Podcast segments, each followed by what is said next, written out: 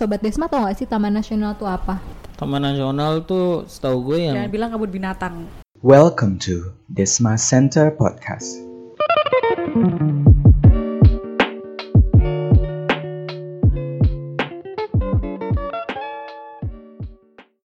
Assalamualaikum warahmatullahi wabarakatuh. Waalaikumsalam. Selamat pagi, selamat siang, selamat sore, selamat malam bagi para pendengar sobat Desma setia. Cile, balik lagi sama gue di sini Widi dan ditemani Vira dan Rian. Dan Iya. kali ini gue tambahan lagi nih personil kita satu ya buat podcast kali ini. Gue kenalin kepada kalian ada siapa? Ada Rifa. Uh, Siapa selamat tuh? Di Sobat podcast Desma. kita. iya. Halo Sobat Desma di mana pun anda berada. Iya, jadi Riva ini tim kita yang Hmm. baru balik dari Sumba gitu Ya. guys. Yes. Eh btw btw gue jadi host dong, bosen nih gue. Oh iya iya iya iya. Boleh boleh boleh. Kali ini ada pembahasan yang menarik, tapi gue nggak mau jadi host. Karena gue yang mau jadi host. aja, karena Vira yang kali ini mau mengambil alih posisi gitu kan. Jadi gue persilakan sama Vira apa yang mau kita bahas, Vir? Atau Oke. apa? Gue jadi udah kepikiran nih, makanya gue mau jadi host. Jadi tuh gini guys, gue tuh kepikiran nih. Si Rian nih pakainya udah eye catching banget gitu. Terus gue inget nih ternyata kita udah tidak masuk bulan Mei, bulan Ramadan udah lewat, udah lebaran, kita masukin bulan Juni nih. Nah, ternyata kemarin tuh di bulan Juni tuh tanggal 5 ini loh. Hari lingkungan hidup. Oh. Ah, tahu nggak? Iya iya iya. Ya.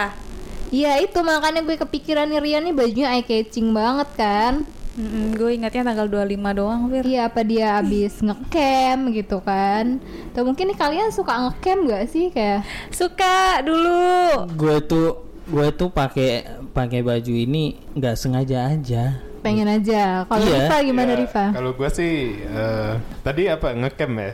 Gua Ngecamp, masa pakai baju hijau gua, sama gua kayak Rian suka sih camping. Gua seneng banget kalau misalnya diajak camping kan kebayang tuh malam-malam kita duduk di pinggir api unggun. Nah, iya, gua juga Indomie pengen kan. tuh. Mantap juga tuh. Wih di mana tuh si Riva ngamping ya? Wah, gua gua waktu itu pernah tuh di Gunung Gede Pangrango itu. Hmm, gua Gunung Gede waktu itu. Pangrango Hmm. Itu dia ini gak sih masuk ke kawasan Taman Nasional? Iya, gede Gunung Gede Pangrango itu ada taman nasionalnya, Taman Nasional Gunung Gede Pangrango. Wah, kalau lu pada tahu nggak sih apa itu Taman Nasional? Sobat Desma tahu nggak sih Taman Nasional itu apa? Taman Nasional adalah Taman Nasional. Taman Nasional tuh setahu gue yang Jangan bilang kabut binatang. yang apa ya?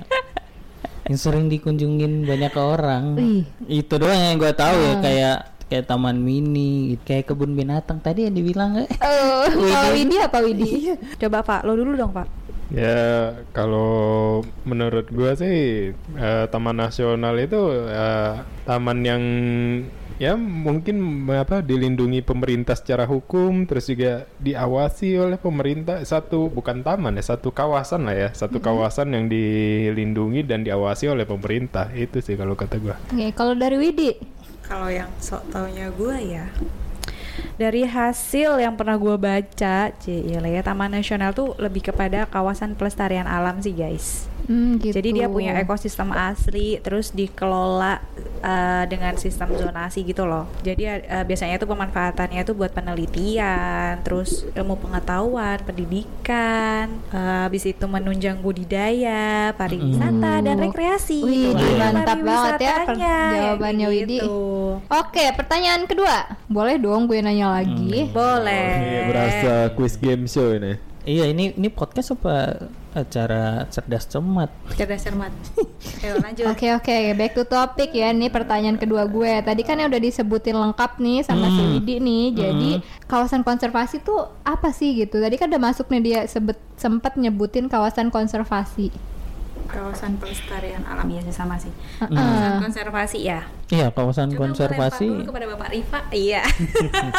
Kalau ya udah gue deh gue Atau gue gue nih, duluan. Kawasan konservasi itu menurut gue kawasan yang yang yang dilindungi oleh aturan pemerintah itu setahu gue. wah itu Oh. Gitu. seperti yang tadi sudah disebutkan itu Apa Iya, tuh? Riva. Iya, Iya. itu seperti itu kayak kawasan-kawasan tertentu yang yang memang harus apa ya dijaga alamnya gitu dan pemerintah buat aturan untuk supaya tidak sembarangan apa ya tebang pohon sembarang di dalam gitu. Kalau itu apa bedanya sama Taman Nasional guys?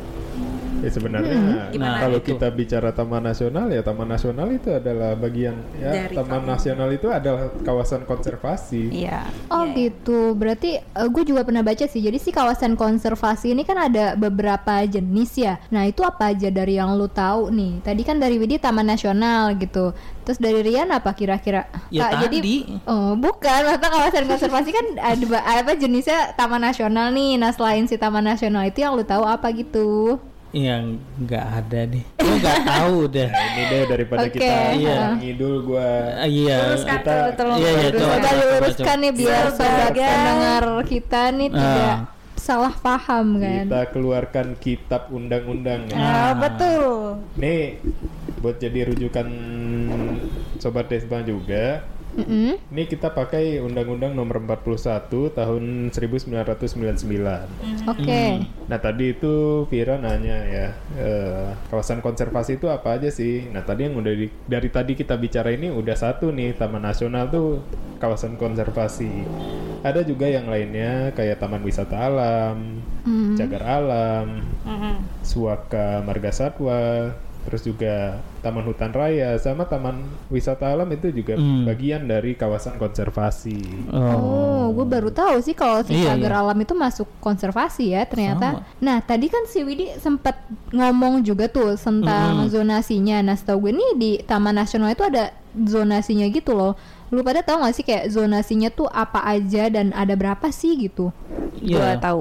Anjir, gue tahu. Apa tuh? Jadi ya kalau ngomong Taman Nasional ada hukumnya ya guys ya. Nih gue kasih tahu aja. Mhm. Jadi di dalam Taman Nasional itu ada zona Iya, ada ada. empat empat eh, empat zona sih ini yang Hmm. tahu ya. Ada zona inti, zona rimba, zona pemanfaatan dan zona lain. Zona lain tuh kayak gimana gitu? Iya. Coba gitu biar kita tidak salah menafsirkan. Ini based on peraturan Menteri Kehutanan. Oh. tentang pedoman zonasi Taman Nasional Menteri Kehutanan. Jadi zona lain itu di dalamnya itu ada zona tradisional, zona rehabilitasi, zona religi, budaya dan sejarah dan zona khusus. Oh, berarti iya, kayaknya yang khusus-khusus ini nih tidak boleh dimasuki pengunjung gak sih? Menurut Iya. lu gimana? Kalau yang zona khusus, ini yang gue tahu nih ya guys ya, ya semoga sih gue bener gitu ya. Hmm. Jadi di sana itu ada sekelompok masyarakat dan sarana penunjang kehidupannya yang sebelumnya itu tinggal di wilayah itu.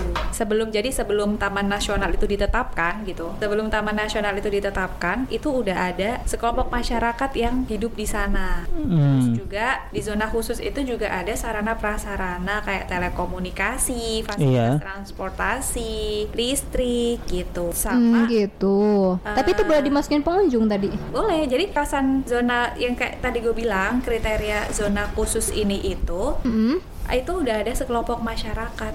Oh gitu. Enggak, mata gue kirain yang zona khusus itu yang nggak boleh dimasukin. enggak. yang nggak boleh Oh, dimasukin enggak, tuh enggak, apa enggak, gitu loh. Gue tuh Yang pengen tahu gitu. tuh lebih kepada zona inti. Betul Nah, nggak sih? gue salah, setuju nih sama Widi. Di, ini, Ha-ha. dikoreksi. Jadi Correct ya gua gua sih berpatokan sama undang-undang aja ya. Jadi di undang-undang itu jelas kok dituliskan. Hmm. Kalau Apa zona tuh? inti itu memang tidak apa, tidak boleh terjadi perubahan yang masif dalam Yes, Oh, tanda gitu. karena di dalam zona Oh. inti itu ada eh, satwa-satwa liar yang dilindungi, yang kayak gitu loh guys. Terus ada fo- apa formasi biota-biota tertentu yang gitulah. Hmm. Benar. Jadi kalau zona inti ya kayak tadi udah dibilang ya zona inti itu tidak boleh dimasuki oleh orang umum tapi bukan berarti nggak boleh dimasuki sama sekali. Mungkin untuk kegiatan tertentu kayak misalnya penelitian Oh gitu. itu oke. baru boleh dimasuki. Hmm. Tapi kan berarti tadi Widi udah nyebutin juga ya kayak di situ kan ada masyarakat eh, gue tuh masih bingung gitu. Kalau masyarakat di sana nggak dikelola baik sama si pemerintah nih, mungkin aja ya kalau dari pikiran gue kali aja bisa nggak sih kayak mereka tuh kayak ngambil kekayaan hutan yang ada di sana gitu loh. Jadi kayak nanti kan kalau mereka ngambil kekayaan hutan kan lama-lama bisa habis kan, karena kan kawasan konservasi ini kan memang untuk tujuannya melindungi itu kan. Gitu. Yang gue bingung kalau masyarakat di sana itu kira-kira ada nggak sih dan pekerjaan mereka tuh apa gitu, atau ada nggak sih kayak upaya pemerintah nih untuk eh, mengalihkan gitu pekerjaan mereka biar mereka tuh tidak mengambil kekayaan alam. Tapi gue juga nggak tahu gitu. Mungkin ada yang tahu. Setahu gue nih ya, biasanya pemerintah itu punya program pendampingan gitu loh guys. Hmm. Jadi program-program-program pendampingan di wilayah konservasi ini kayak gue juga cerita aja kayak Desma tuh sekarang fokusnya ke situ. Oh,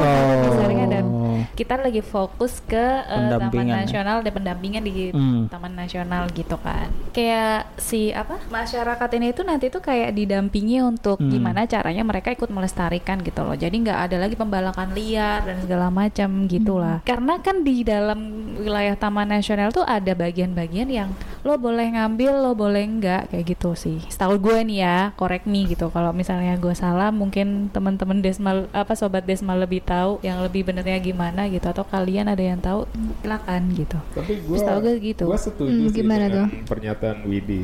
Jadi ini gue juga berdasarkan fakta lagi aja. Ini gue lihat di peraturan Direktur Jenderal Konservasi Sumber Daya Alam dan Yo, Ekosistem. iya. Nah, itu nomor bagiannya.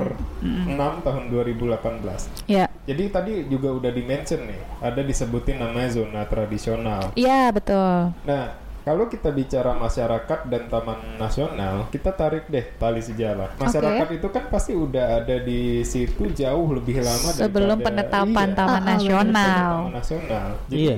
Konflik itu pasti ada konflik gitu ya. itu pasti ada, tapi dengan adanya zona tradisional ini kan Hmm. berarti eh, nih kita lihat dulu deh. Sebenarnya zona Iya. tradisional itu apa sih? Zona tradisional itu bagian dari kawasan konservasi yang ditetapkan sebagai areal untuk kepentingan pemanfaatan tradisional oleh masyarakat yang secara Betul. turun Nah itu, Oh. itu dia yang tadinya gue maksud ada bagian sendiri yang Itu. ada boleh diambil dan nggak boleh diambil karena ya mau nggak mau ya ya gimana ya butuh nggak butuh mereka kan tetap butuh Bener. untuk bertahan hidup Iya, gitu. bener. Udah mana di hutan bener. jauh dari mall ya Hmm. kali gitu ya kan. Oh, jadi tetap ada pemerintah udah punya apa bantuan gitu ya kayak tadi yang Iya. apa, Pendampingan. iya pendampingan Karena contohnya. karena walaupun kalau Hmm. misalnya nggak ada pendampingan itu kadang kan masyarakat nggak tahu wilayahnya mana Tapi mana kira-kira wilayahnya. pendampingannya ini tuh kayak gimana gitu? Karena kan tadi eh, Taman Nasional juga bisa untuk pariwisata gitu. Nah, masyarakat ini ada nggak sih kayak perannya gitu di pariwisata itu? Hmm.